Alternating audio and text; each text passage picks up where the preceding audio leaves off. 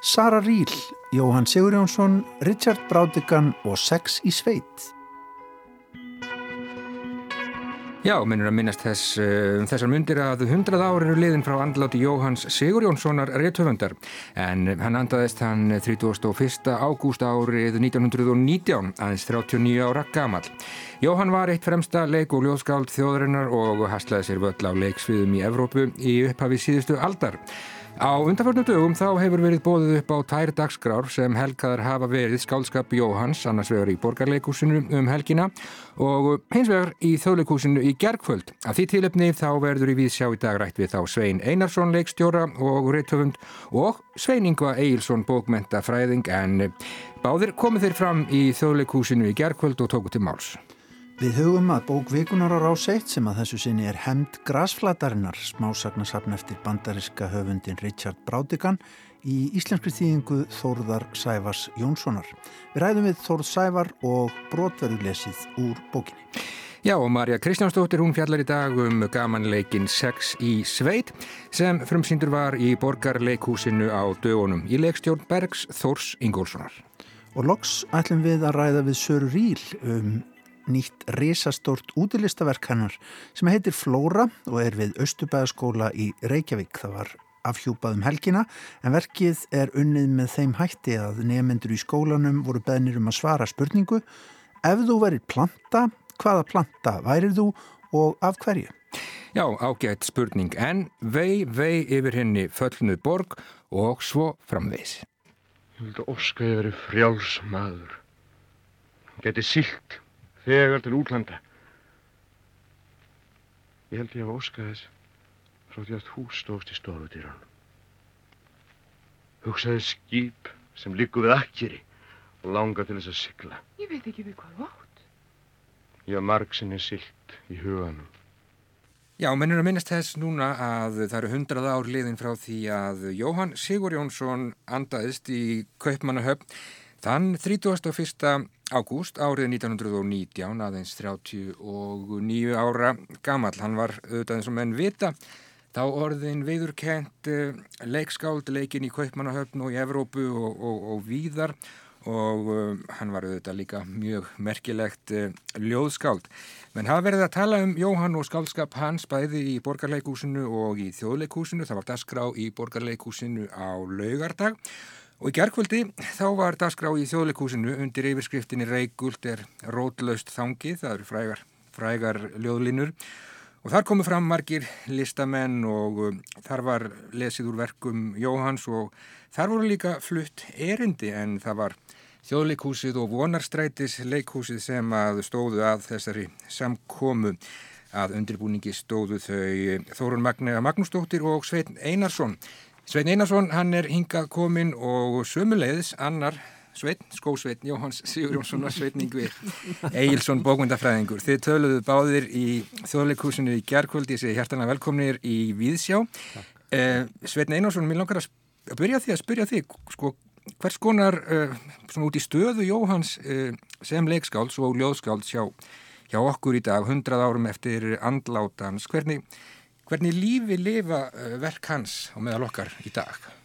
Það er kannski nafna mín sem svara með ljós, ljóðskaldið, mér finnst ljóðskaldið lifa betur og betur, satt að segja, en leikskaldið ásóleitið undir höggað sækja og uh, það þykir mér miður mm. af því við eigum nú ekki marga betri. Nei, hvers, hvers vegna skildi það vera? Já, það er bara það sem ég er að velta fyrir mig að gáð bók, eða er að gefa út bóku um þessa myndir og það er forsegað ég skrifaði um Jóhann uh, þegar ég var í uh, bókmyndanámi og kandidatsprófs rítgeður mín var 1958 um Jóhann.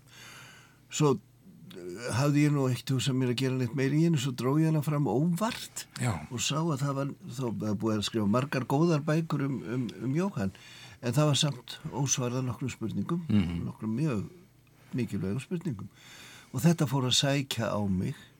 Og ég til dæmis er með þá kenningur sem að rýmar við það sem Þorstein Þorsteins og vinnum minn hefur verið með að hann verði stórskaldi á ljóðarsviðinu þegar hann kynir symbolismannum Já. Og það er náttúrulega stefna sem kemur þá af meginlandinu og eh, hefur áhrif á alla mótanisma í, í ljóðagerð síðan. Eh, þá vaknaði auðvitað spurningin í hvaða mæli symbolismin hefur áhrif á hans leikskaldskap. Og það er stór spurning vegna þess að leikformið er, er nú eins og við vitum tegjanlegt og allt þetta en á þessum tíma hafi verið ríkjandi raunsæstemna. Já, einmitt. Og hann er þarna í hópi manna sem brjóta upp á móti því, þetta eru symbolistar eins og Matilenko og Hofmanns tal og svo eru, ég get talið fleiri og fleiri hérna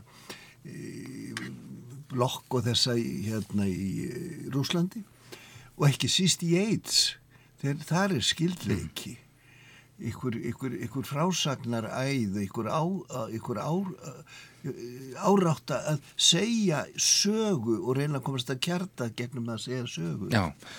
og e, svo fór ég að skoða þetta í hvaða mæli þetta mótaði hans skáldskap og ég, ég er alveg samferður um það að, að auðvitað er, er, er að nángja þessari anspilnu gagvart raunseginu en hvað þekkt hann til á þessum verkum? Mm.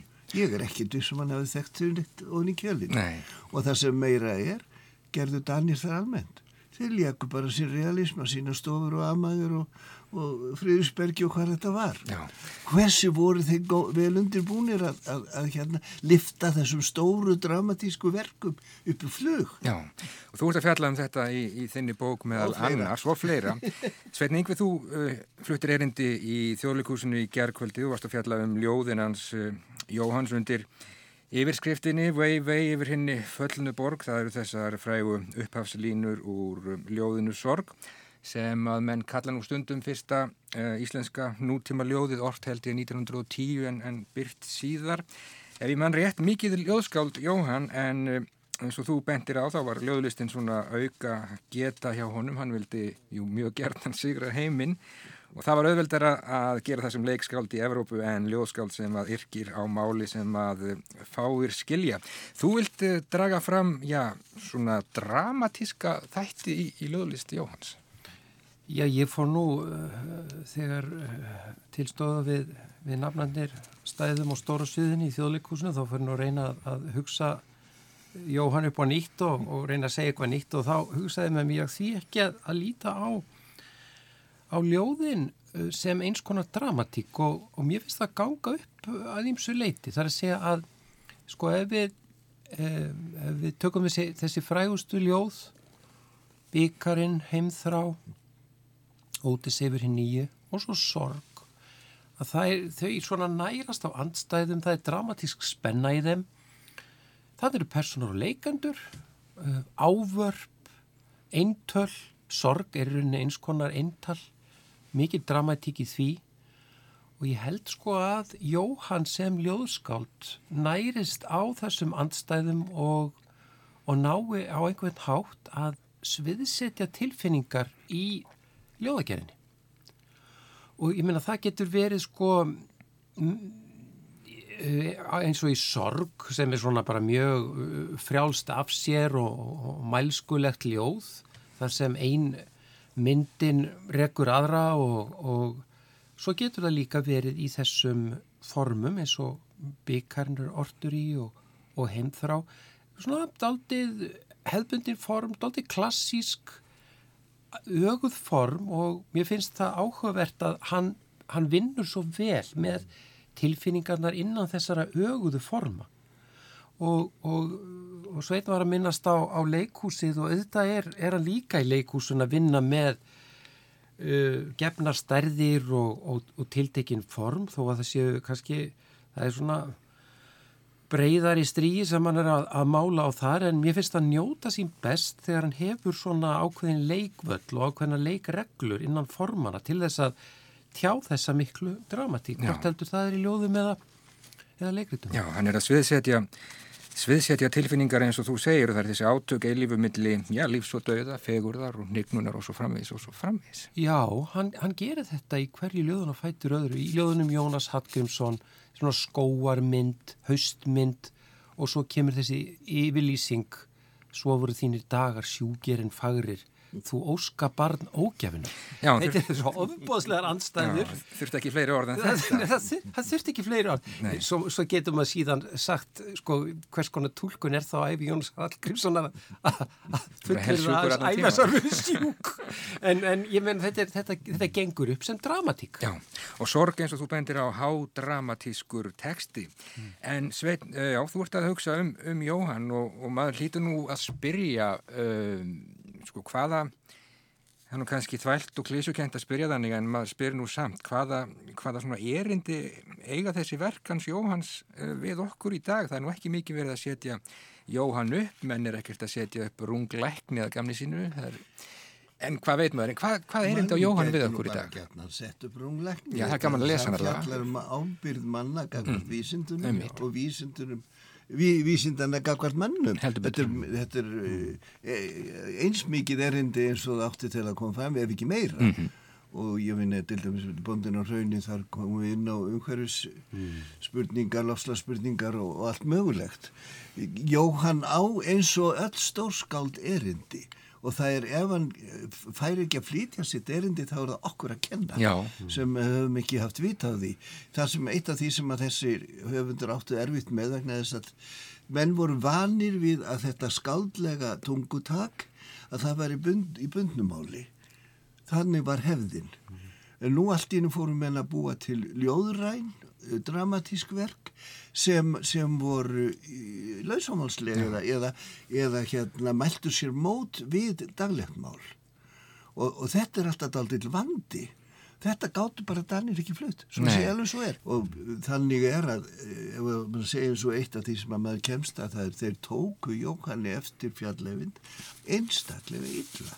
Það eru bara hróðalegir dómar sem þeir byrta um bæði galdraloft og, og hérna uh, mörð. Og uh, síðan fer maður að, halda áfram og sjá hvernig hún vegnar í Európa því þetta er goðsögn og þá kemur í ljós að hann lendir nú ekki alltaf á þeim stöðum sem hann á að lenda þar sem er skilningur fyrir því hvernig hann fara með þetta verk. Þetta er nákvæmlega eins og þegar við verðum að líma við text eftir Haldur Larsnes í dag. Hann held, held ég alltaf fram að vera að skrifa ákálega venjulega text, það var nú öðru nær.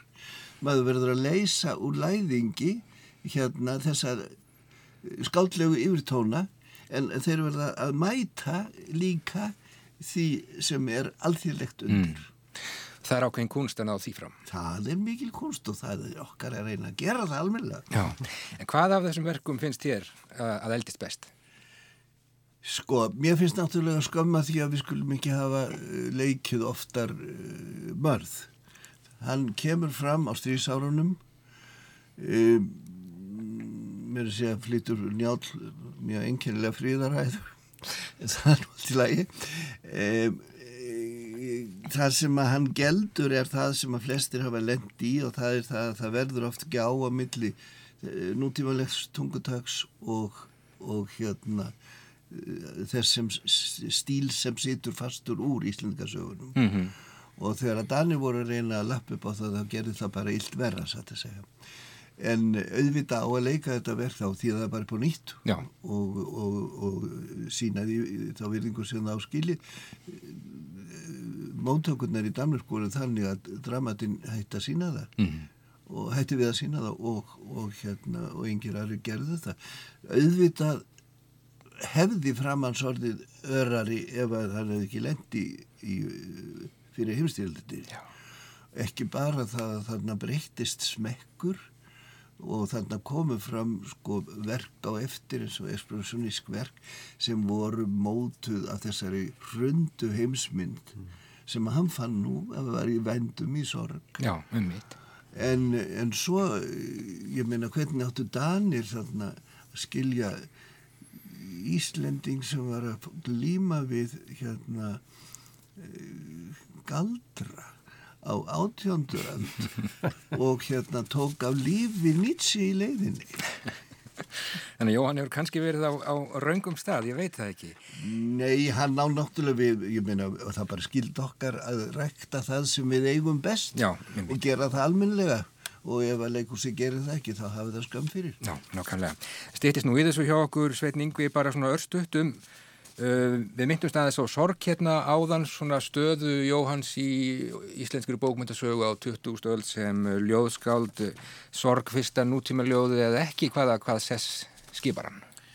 Jú, mér finnst að, að hérna þar getur við greint einkenni sem, sem eru svona nútímaleg og um, ég, ég finnst þetta ljóð uh, standa svo vel, það, það er í rauninni þó að, þó að stílinn sé mælskulegur og, og, og það sé frjálst í forminu þá eru myndirna svo, svo sláandi og áleitnar og, og byggingin er í rauninni mjög markvis þannig að söknuður Jóhans Jónssonar og sorg Jóhans Sigurðarssonar eru þessir, þessir líkil tekstar í mótenism, ljóðrænum finnst það ekki spurning. Eh, sem koma, koma fram þarna snemma á, á 20. öld og svo má náttúrulega segja að, að sorg lýsi ákveðinni bara sín, þetta er svona draumkent, jável martraðarkent, það er verið að, að, að harma fall borgar og við getum skilið það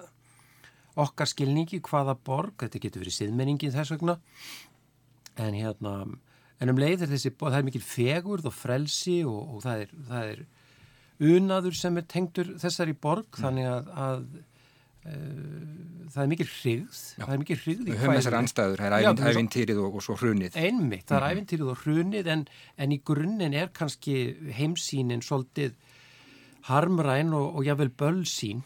Það er í raunni sól, sólinn fæðir nýtt líf og nýja sorg. Já.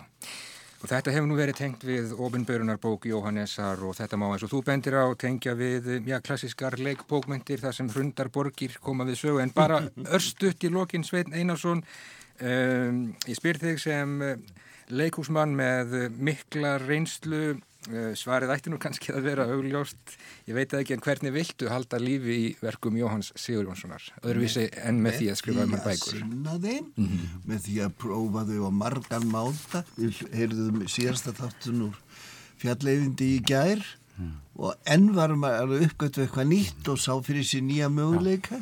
Ég fjækst við þetta leikrit eins og út í Óslo með aðaleikurum frá öllum þjóðleikúsum Norðurlanda og uh, sannski leikarinn sem líka uh, kára eftir samlistunum hrópaðan upp af hverju er þetta ekki leikið á hverju ári? Við erum að kynna það betur. Já, nákvæmlega. Látum það verða að loka. Orðin Sveitn Einarsson og Sveitning við Eilsson takk hérlega fyrir að koma í Víðsjá og tala um þetta merkaskáld Jóhann Sigur Jónsson sem gatt svo sannarlega gert ímislegt með orðum og skálskap jafnvel stöðvað sjálfan tíman Þú rauði pendull í tungsljósinu, þú grætur ekki yfir mönnunum, heldur þér sjálfum, þú grætur yfir því að það verið dæmtur til að mæla tíman. Allt þitt líf hefur verið einn vanmáttug leit að kvíld, ég skal gefa þér frið, ég skal stöðva þinn gangað eilífu. Svona skrifaði Jóhann Sigur Jónsson árið 1911 og byrti í dönsku dagblæði, mjög skemmtilegum texta. En já, hundrað árliðin frá andláti Jóhanns og við skulum vona að skálskapur hans lifi. Takk fyrir komuna herra minn, báðu tveir takk. Sem leiði sakka. Ég stóði hann á miðjum öra á hann og sildi landinu langt, langt söður í höf. Jöklarni voru hvít, þaninn segl sem sólinn skein á og blá fjöllin líftust og hnígu í hafráti.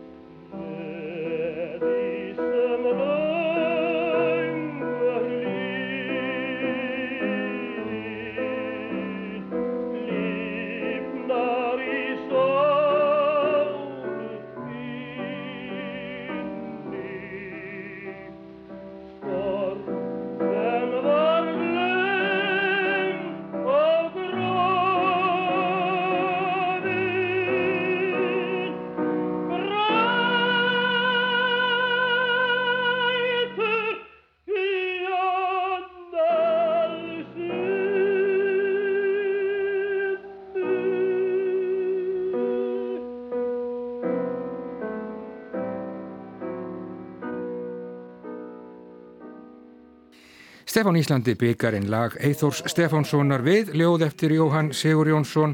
Byggar heldur fullur af myrkri. Leikskáldu Jóhann á undir höggað sækja nú þóttu við eigum ekki marga betri, sagði Sveitn Einarsson sem hefur skrifað nýja bókum Jóhann og verk hans og við heyrum kannski nánar af henni síðar hér í Víðisjá Heyrðum í einslæginu brot úr Galdralofti leikriti Jóhanns Lárus Pálsson og Bryndís Péturstóttir í hlutverkum sínum. Skilda okkar að rækta það sem við eigum best, sagði Sveit Einarsson og hvatti leikúsin til dáða. Og meira leikúsi við sjá við bregðum okkur næst í borgarleikúsið í fylg Maríu Kristjánsdóttur.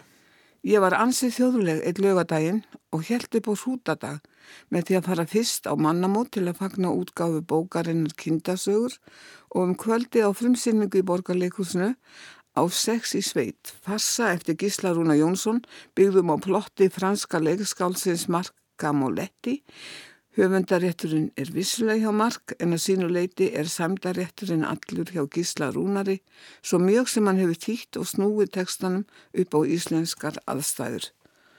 Þar sem ég hafði ekki séð farsan þegar hann gekk hér í þrjú ár á síðasta áratug fyrir aldar þá misreiknaði ég mig á þessum með sveitina. Því verki gerist í glæsi sumabústað efnafólks úr Reykjavík sem stendur vegafjörð. Engar aðrar skeppnur en mannskeppnur voru mættar á svið og ég komst líka því að talan sex í titlinum hefur tvíræða merkingum. Benedikt og Þórun okkur eru sem sagt komin í sumarhellina. Þórun er á leið til eigilstaðar að heimsækja móðu sína en Benedikt hefur leinilega bóðið viðhaldinu sólegu og vini sínum Ragnari til visslu meðan hún er í burtu. Þórun kemst að því að Ragnar er vantalegur en hann reynist þá vera viðhaldið hennar, svo hún breytir planinu og situr sem fastast. Flækist á máli þegar Benedikt þarf að snúa sér með ósanendum út úr vandraðanum og flækist enn þegar Solveig kokkur hjá Veslu þjónustu mætir á staðin og síðar Sólei. Miskilningur á miskilning ofan eins og vera berð. Bergur Þór Ingólfsson velur að gera personurna skoplegar frá byrjun og setja strax af stað mikinn fassa hraða sem kemur auðvitað niður á leiknum á lokasprettinum. Þannig fari Jörgundur Ragnarsson sem Benedikt ekki tækifæri til að afbyggja statusinn sem sá sem allt hefur í hendi sér, heldur er hann frá byrjun maður sem ekki getur haft stjórn á hlutunum og gerir það auðvitað vel. Enga skemmtilegt er hvernig hann undistrykar flækjustík sitt með laungum útleifumunum. Það er líka gleðilegt að jörundur skulu aftur vera komin í atvinnileikus því ekki er úrvali mikið af góðum kartleikurum á hans aldri þar á bæjum. Sólveig Guðmundsdóttir leikur þórinni eiginkonu hans að miklu öryggi og krafti.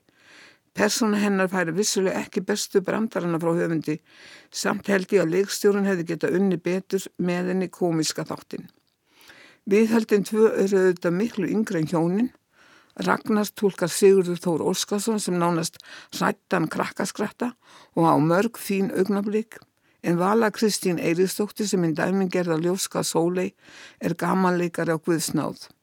Hún hefur þó enn ekki fengið þá þjálfun í rattbeitingu að geta haldið dampinum út allar fjórar klukkustundinar. Ég satt að segja vona að hún festist ekki í hlutverki ljóskunar en ég sá að minnstakosti tvær auglýsingar með henni sjómarfinn í sömu viku þar sem hún er nótuð sem slík. Hinn fjölhæfa að Katrin Haldóra Sigradóttir sem leikur kokkin sólfegu er neitt til að taka að sér aðskiljanleg hlutverk önnur en að vera kokkur og sér til þess að hagnast á því.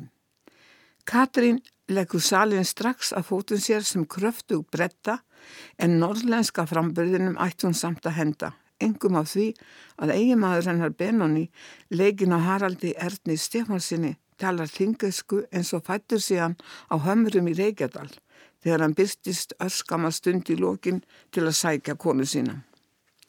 Eins og áður segir er leikið að miklum hrað á krafti, allt frá byrjun tæmingar eru góðar og síningin er nögralös fram yfir hlið. En þá fer eðlilega að kenna þreitu, jæmti á leikendum sem áhorfanda skrifast það á nokkru á leikstjóran og uppbyggingu hans á síningunni en þó mest á höfundin sem tegir endalust lopan í plottinu. Hér hefði Gísli Rúnar átt að grýpa inni og skera niður og lagfæra. Honum hefði ekki orðið skota skuld úr því með alla sína þekkingu á gamalig eins og góð staðfæsla hans og þýðing sínis. Ég veit ekki alveg hvað skal segja um leikmynd Pétr Hlúsek. Hún þjónar farsaleiknum vel með dýrum sínum tröppum og palli en ég á afskaplega erfið með brúnar gráar leikmyndir allt hverfur inn í þær og mér fannst hún ekki falleg.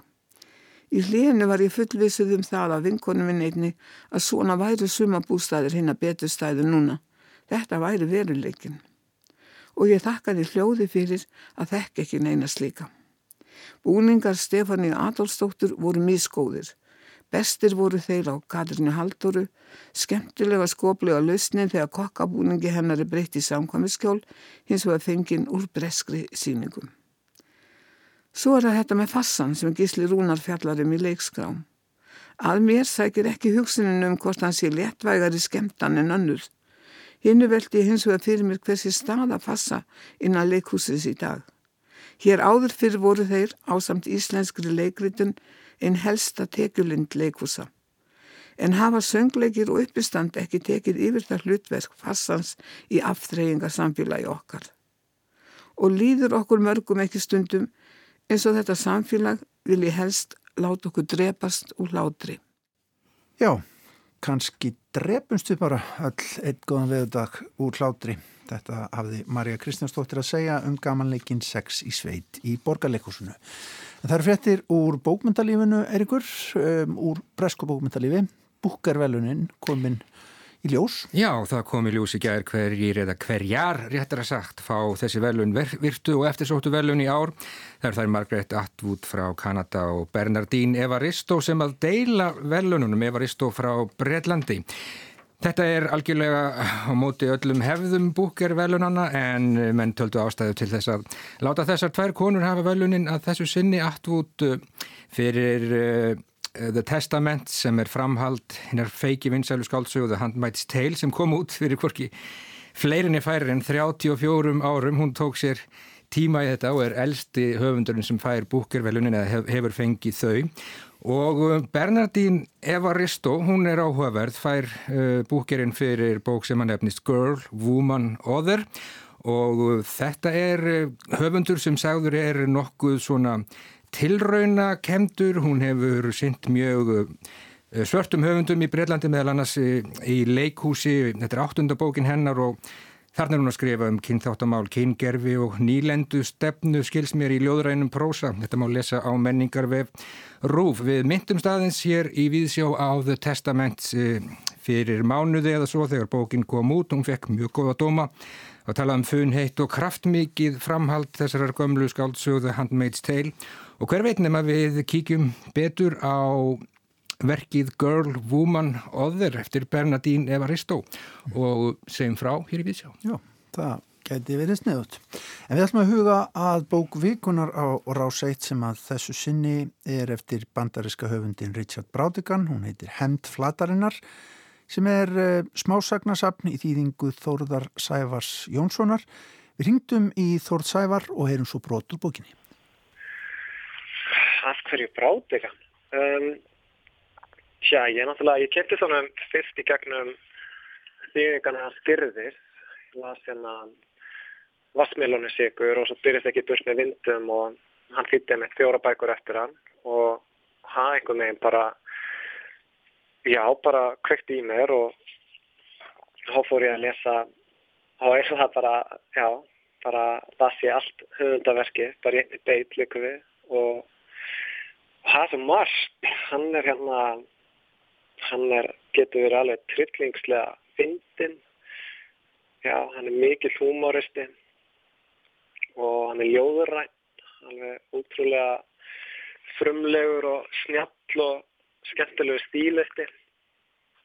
Og síðan einhvern veginn getur hann að vera mjög svona trega en það er einhvern veginn, það er mikil treyji í honum líka. Og þetta er látrúlega gott jafnvægi svona milli trega og stundum bara alltaf í galsa hjá honum þannig að og það, já, mér finnst rosalega sterk svona náttúruskinnjun og, og hérna og það er svo margt og það er með svona förður og surrealismi og og hérna Já, það er eiginlega eins og ég segi, ég er alveg bara kolfjall, kolfjall fyrir honum. Það er alltaf gott. Já, það er bara indislegt. Alveg reynd. En þessi bók, Hæmt græsflatarinnar, hvernig myndur þú lýsa henni svona stíl og efni? Um, já, þetta er náttúrulega þetta er mjög fjölbreytilega sögur. Það eru 62 og það eru flesta svona frekar, frekar knappar. Styrsta sagan bara hvort hún er eina eða tvær setningar. Hún er, það stutt að, að hérna, hún er á baksíðu bókarinnar mm. og hendin er öllu líkinn svona sjálfsæfi sögulegasta verkið hans um, það eru marga sögur sem fjalla bara um uppvakstar árin hans og hann skrifar um fölgværstum dóttu sína en þess á milli eru eiginlega bara eru mjög bara surrealískir og, og svona surrealíski spretti. Þannig að þetta er svona í bland sjálfsæfið sögulegt og síðan bara svona hreinrækta hugarflug. Mynd, mynd, Myndur þú telja að þetta væri bók sem að hentaði vel til þess að, já, kannski svona nálgast brátikan? Já, ég held það. Ja, ég held að sé sé nokkuð nokkuð aðgengileg sko og gefa einmitt bara svona nokkuð góða mynd af svona, já hann sagna heimi og, og hugðarefnum sko. Um, já, ég, einmitt, ég held að það var ekkert vittlust að ef maður vil svona kynna sér að frekast þá held ég var alveg grá upplagt að, að byrja á græslutinu. Karþitsáinn spratt úr beljandi uppsprettu sem leitt út eins og trillingslegur brunnur. Hún rann yfirleitislega tæpa 20 kílometra eða svo gegnum gljúur og kvarf svo bara ofin í jörðina á stað sem var kallaður Karþits hilurinn. Áinn elskaði að segja öllum. Með öllum á ég við himinin, vindin, þau fái tré sem uksu í nágrenninu, fugglana, hirtina og stjörnunnar, ótrúlegt en satt, hvað hún væri frábær á. Ég kem beljandi upp úr jörðinu og fer beljandi niður í hana aftur. Ég er mistari vatnana minna. Ég er móðir og fadir sjálfrar mín. Ég hef ekki þörf fyrir einn einasta regndrópa. Sjáuð kvítu, mjúku, sterku vöðvana mína. Ég er mín eigin framtíð. Karþits áinn talaði svona digurbarklega í mörg þúsund ár. Eins og gefur að skilja voru allir, himinin og svo frammeðis, búinir að fá sig fullsatta af henni. Ef fugglar og hirtir komist hjá því, fóru þeir ekki í þessa sveit.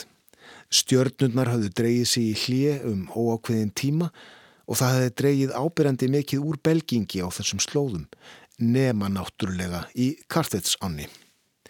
Meira að segja sílungarnir skömmuðust sín fyrir ána og þeir glöttust alltaf þegar þeir dóu. Allt var skára en að lifa í þessari djöfulsins oflátungs á.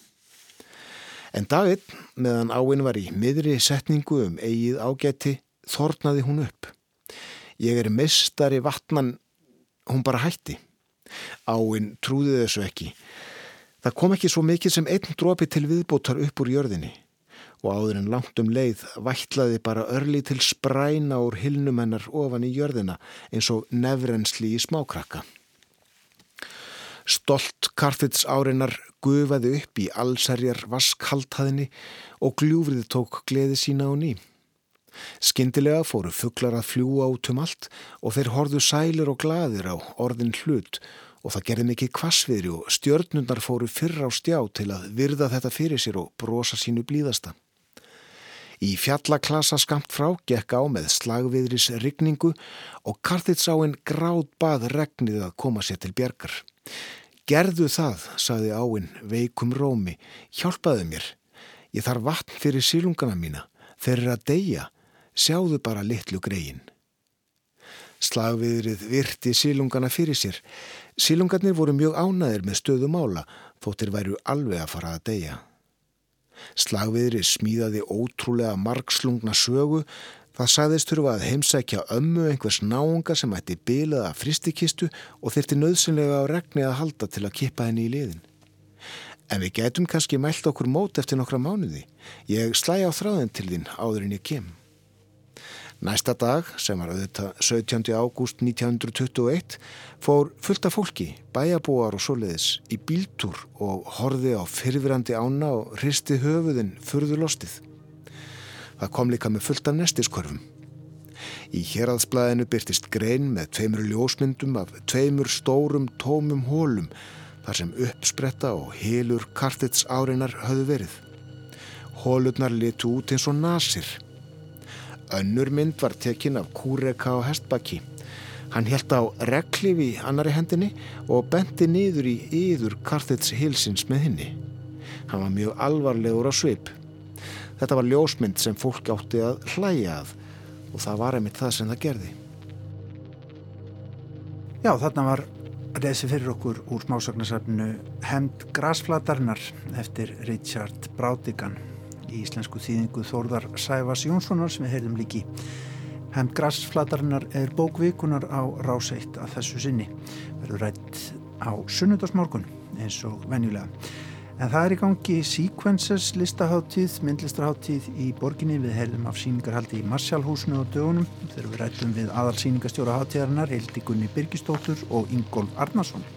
Já, en Dasgrán hún heldur áfram og tegir sig víðar um borginna. Og það maður geta þess að á morgun þá verður sínd uh, eh, aðteglisverð heimildamind sem heitir I Had Nowhere To Go og hún verður sínd í Bíóparadís og fjallar um kvikmyndagerðamannin frá Litáen Jónas Mekas sem var auðvitað stór merkilegur og andaðist fyrir á þessu ári og það er maður, skórskur maður sem að gera þessa mynd sem heitir Douglas Gordon og hann er marg verðlunaður og hefur gert margt mjög merkilegt og unnið með þekktum listamönnum og fengið stór velun. Þetta er í Bíóparadís á, morgun. Já, og svo hljómar hér undir raftónlist eftir Filip Nokkur Jack sem að er með tónleikaháttíðinni í fríkirkjunni á förstu dag kl. 20.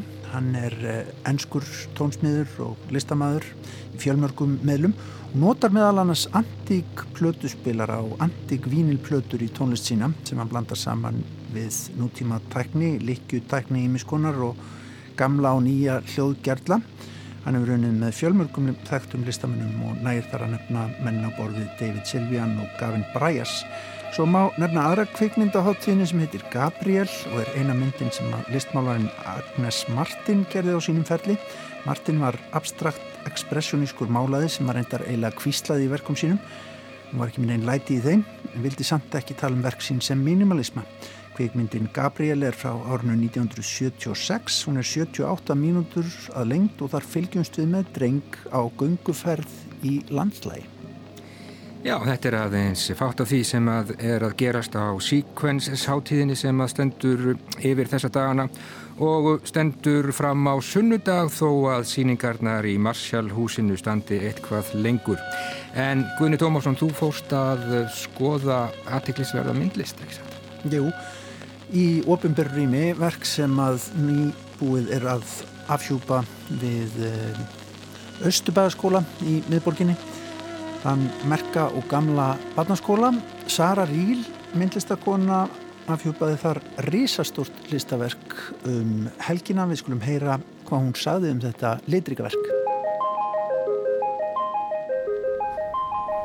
Sara, við erum komin að Östubæðaskóla og erum að horfa hér á rísastórt listaverk. Hvað er það margi fermetrar ef við byrjum á því? Já, verki er um það byrjum 250 fermetrar reikniði við í á Garðar í Sliðfélaginu upp á magna á málingu að gera. Já, það farir hérna- nokkru lítrar í þetta. Já, það er náttúrulega starra maður kannski aðeins upplifur að þessi vekkur alltaf doldi fjærmanni, þú veist, hann fyrir niður þú þú horfur á hann frekar aðeins Já. svona kannski 50 metrum frá Já. Þetta er einnig í þessu skoti þar sem eru uh, svona Já, það er hurð, risastór hurð, það eru fleiri neyn, það eru glukkar, þetta er alveg skrítinn flötur að vinna með, ekki það? Jú, hann er mjög, mjög allskonar og ég reyndi svolítið einhvern veginn að taka allir þessi element, þessa glukka og hurðar og loftræsti kerfi, bara svona horfa bara fram hjá því Já. og bara mála yfir og, og bara þykist eins og þetta sé eitt stór samfélgur flötur Já. Og vinna skissun allan síðan bara sem panorama mynd. En þóttir svona frábært að geta kannski not, þetta er ekki vekkur, þetta er fjór, þrýr veggir það er að segja þetta verður að rými. Þannig að það sem ég var líka að spá í er með þessi sko að lappa inn í málverki er eitthvað sem ég áhuga á. Og þannig að ég er að taka allt þetta rými hér, mála það. Líka til þess að segja skilur, hér er svæði fyrir úlengana, hér er félagsmiðstöðin. Já, til að halda hans utanum Já, og krakkana. búa til svona enn þetta rými, svo að það blæði ekki bara inn í, inn í bílastæði út í borgina. Mm Sko, við erum í plönturíkinu, það er alveg greinlegt, hér eru alls konar plöntur og þetta er svona, það er grænt tótn en líka fleiri litir í þessu, uh, lí, organist og lífrænt. Mm. Ég veit þú laðist í smá svona pælingar bara í kringum skólan, sem- þegar þú fórst að hugsa þetta. Jú, akkurat, verkefnið er í gegnum líðræðis verkefni hverju mitt og ég fekk bóðum að gera þetta í apríl og svona beðnum að það væri frábært ef ég geti einhvern veginn brótira krakkana eða skóla með inn í, inn í verkið Já. og þú veist, alveg stór biti og ég vissi að ég vildi hafa verkið frekar litríkt bæði bara skólinn almennt mjög grár en líka til þess að vera svolítið í hérna gamla graffiti hotninu, smá óður. Og, og þetta þurfti að vera verkefni eða eitthvað svona sem að krakka frá 6 til 16 Já. getur ráðið við. Já, á, á jafn góða móta og hérna og ég vildi ekki mála með þeim Þú vildi gera sjálf. já og að því annars fer svo mikill tími bara í Já, bara í mannauðstjórnun. mitt þrýf og hérna og ég meina þetta er líka bara mín myndlist, skilu, ég vil fá að gera hana jafnvel og líka ég myndi gera hana og presentera hana inn í inn í safni. Þannig að ég, það, var búin til leikur sem allir ríða við. Og þetta væri sem sagt, ef þú væri planta, ef þú væri planta Já. Ekki uppáhalds. Hvað planta væriru og af hverju? Og ég er búin að gera bækur úr þessum teikningum. Og við getum bara að opna eitthvað staðar og þau skiluðu öllin Velja sér plöntu og færa rauk fyrir mál sínu. já, akkurat. Og margt að þessu er bara svona basic þessi planta því að hún er falleg. Blómið er í vatni og mér finnst gaman að synda og leika í sundi og sjó. Einmitt. það er bara svona Alls konar pælingar. það er bara alls konar pælingar og þetta verður allt sínis sagt, í listamönnum, þessar bækur og skissurna mínar. Og það sem mér varst áhugavert við, þetta er rauninni bara grunnurinn af hugmyndinni. Ég fer alltaf í svona fimm laga ferli sem er þá hugmynd og rannsóknarvinna til að byrja með. Það er að klára það svo að framleiðsla og framkvæmd geti átt sér stað Mm.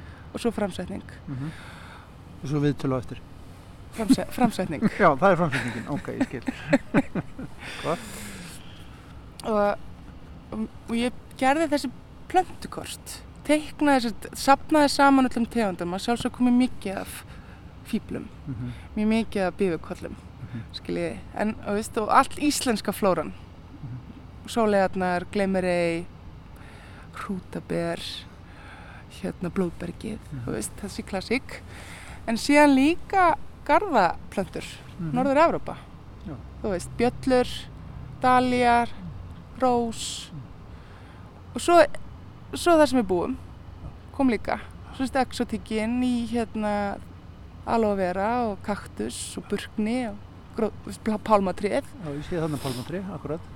og það eru svo sagt plönturnar sem þú sérð á bakvið. Þessi form, þessi litir.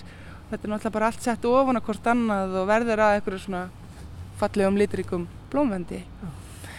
Og þú veist, þetta er staðgengill krakkana akkurat. sem þýðir að mér finnst áhugavert plöntuvalið.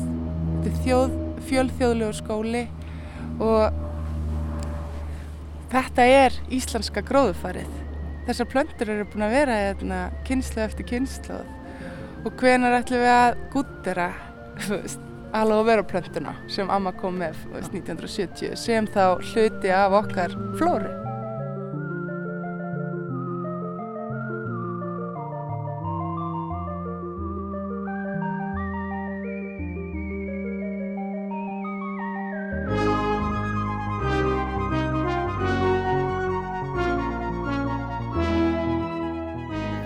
En svo gefur að skilja er verkiðinnar Söru Ríl þarna í skotinu við Östubæðaskóla litrikt við ingang félagsmiðstöðar sem að tilherir hverfinu 101 Reykjavík.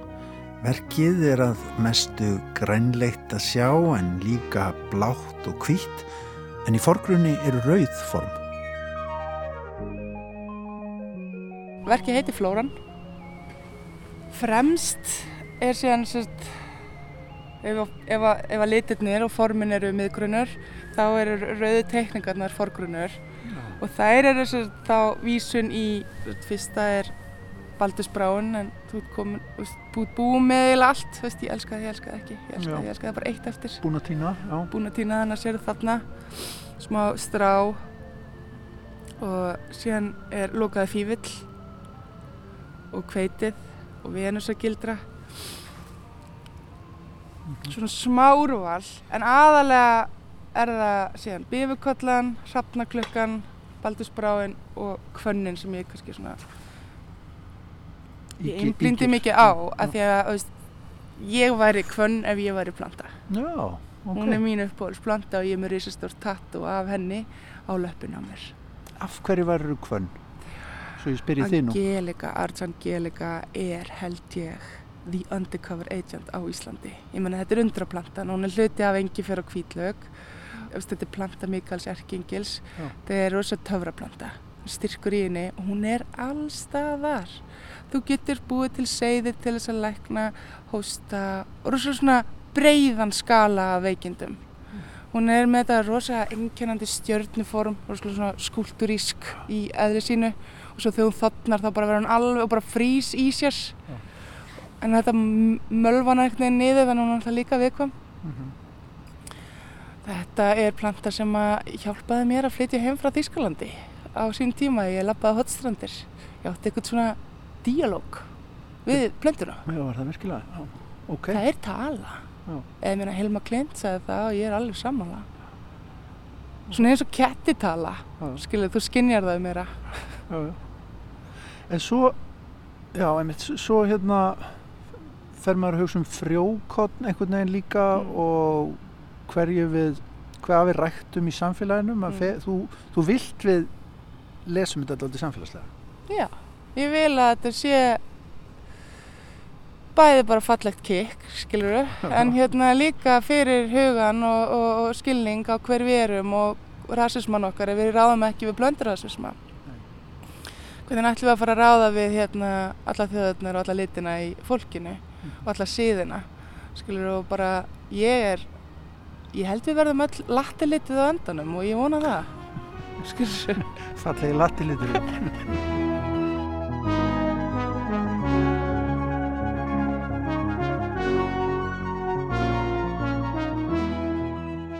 er þetta ekki búið að vera alltaf skemmtilegt að skoða líka bara hug krakkana hérna inn í, í þessu gráa byggður 1930 höstbæðskóli þessi allt annar tíðrandi einhvern veginn yfir þessum skóla, allt annar andblær enn í dag og svo hvað þetta er lifandi samfélag hérna inni í grá, grámanum Jó, sérstaklega það þegar ég kem út af vinnustofunni sem ég er náttúrulega mest í og allir myndlistamann vita, þetta er svo mikið einangrun, er að þá ertu úti, ég veist eins og þegar þú fyrst í úlengavinnuna, þú farð það kikk, þú farð að vera úti í 6-8 klukkutíma og águst af frekar góður, mm -hmm. veist, það var bara stuttarafabólir og bong og blíða og hún Helga Páli myndlistamæður kom og hjálpaði mér, Já. ég réð hana aðeins í vinnu og við hlustuðum á tónlist og svo voru hérna hins einn dagarnir og þá voru eitthvað 70 hins eginn úrlingar hérna að vinna saman að gera sinn og vagn, það var útrúlega fallegt og ólík hvernig ég ólst upp.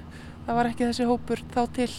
Síðan einhvern veginn vissi ég og, og finnst hluti af verkinu er þessi þessi performance aspekt af þessu, ja. Vist, er það að þau sjá mig gera það dag fyrir dag, þau spurja mjög oft hvort það sé tilbúið og nei og hvað kemur næst? Og þetta er svona hæg og ráli uppbygging líka fyrir starfsfólkið glugginn hérna er kaffistofa kennara. Já, þau eru forveitin örgla Þannig að þau horfa út og, og veist, svo fólki sem lappar í sönd og bara þessi díalókur, skilur við hann er ótrúlega mikil svona mikil þáttir finnst mér af veglistaverk eða list í ofnbjörn rými.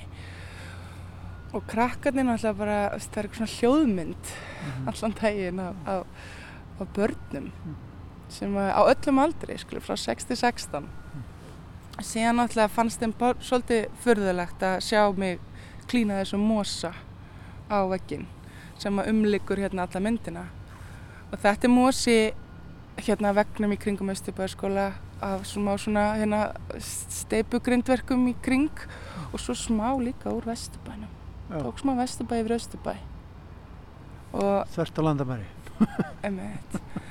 þannig að það er vonin vekkurinn er sjálfvökvand það eru 25 vassrennur þannig að vonandi nær það eitthvað neginn til mósans ég er að vökva þetta núna að reyna að koma sér í, í gang.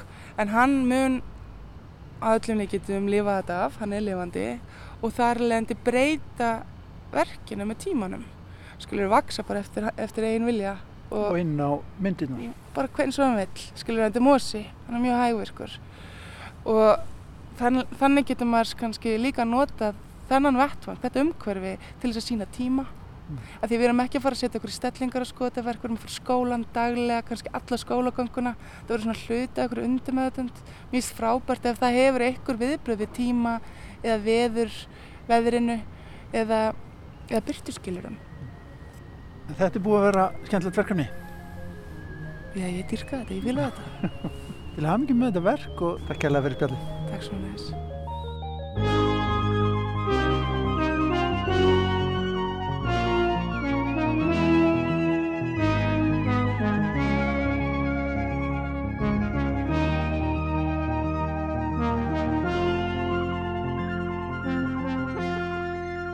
tónlist eftir kanadíska tónlistamannin og frumkvöðlun í raftónlist Mort Garsson þetta er af plötu sem hann gaf út að ég held á 8. áratögnum og hétt Plantasia.